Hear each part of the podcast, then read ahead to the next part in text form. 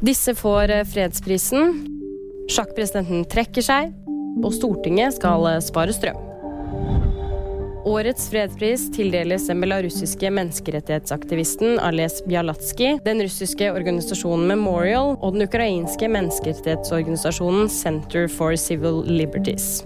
They have for many years promoted the right to criticize power and protect the fundamental rights of citizens. Det sier lederen for Nobelkomiteen, Berit Reiss-Andersen.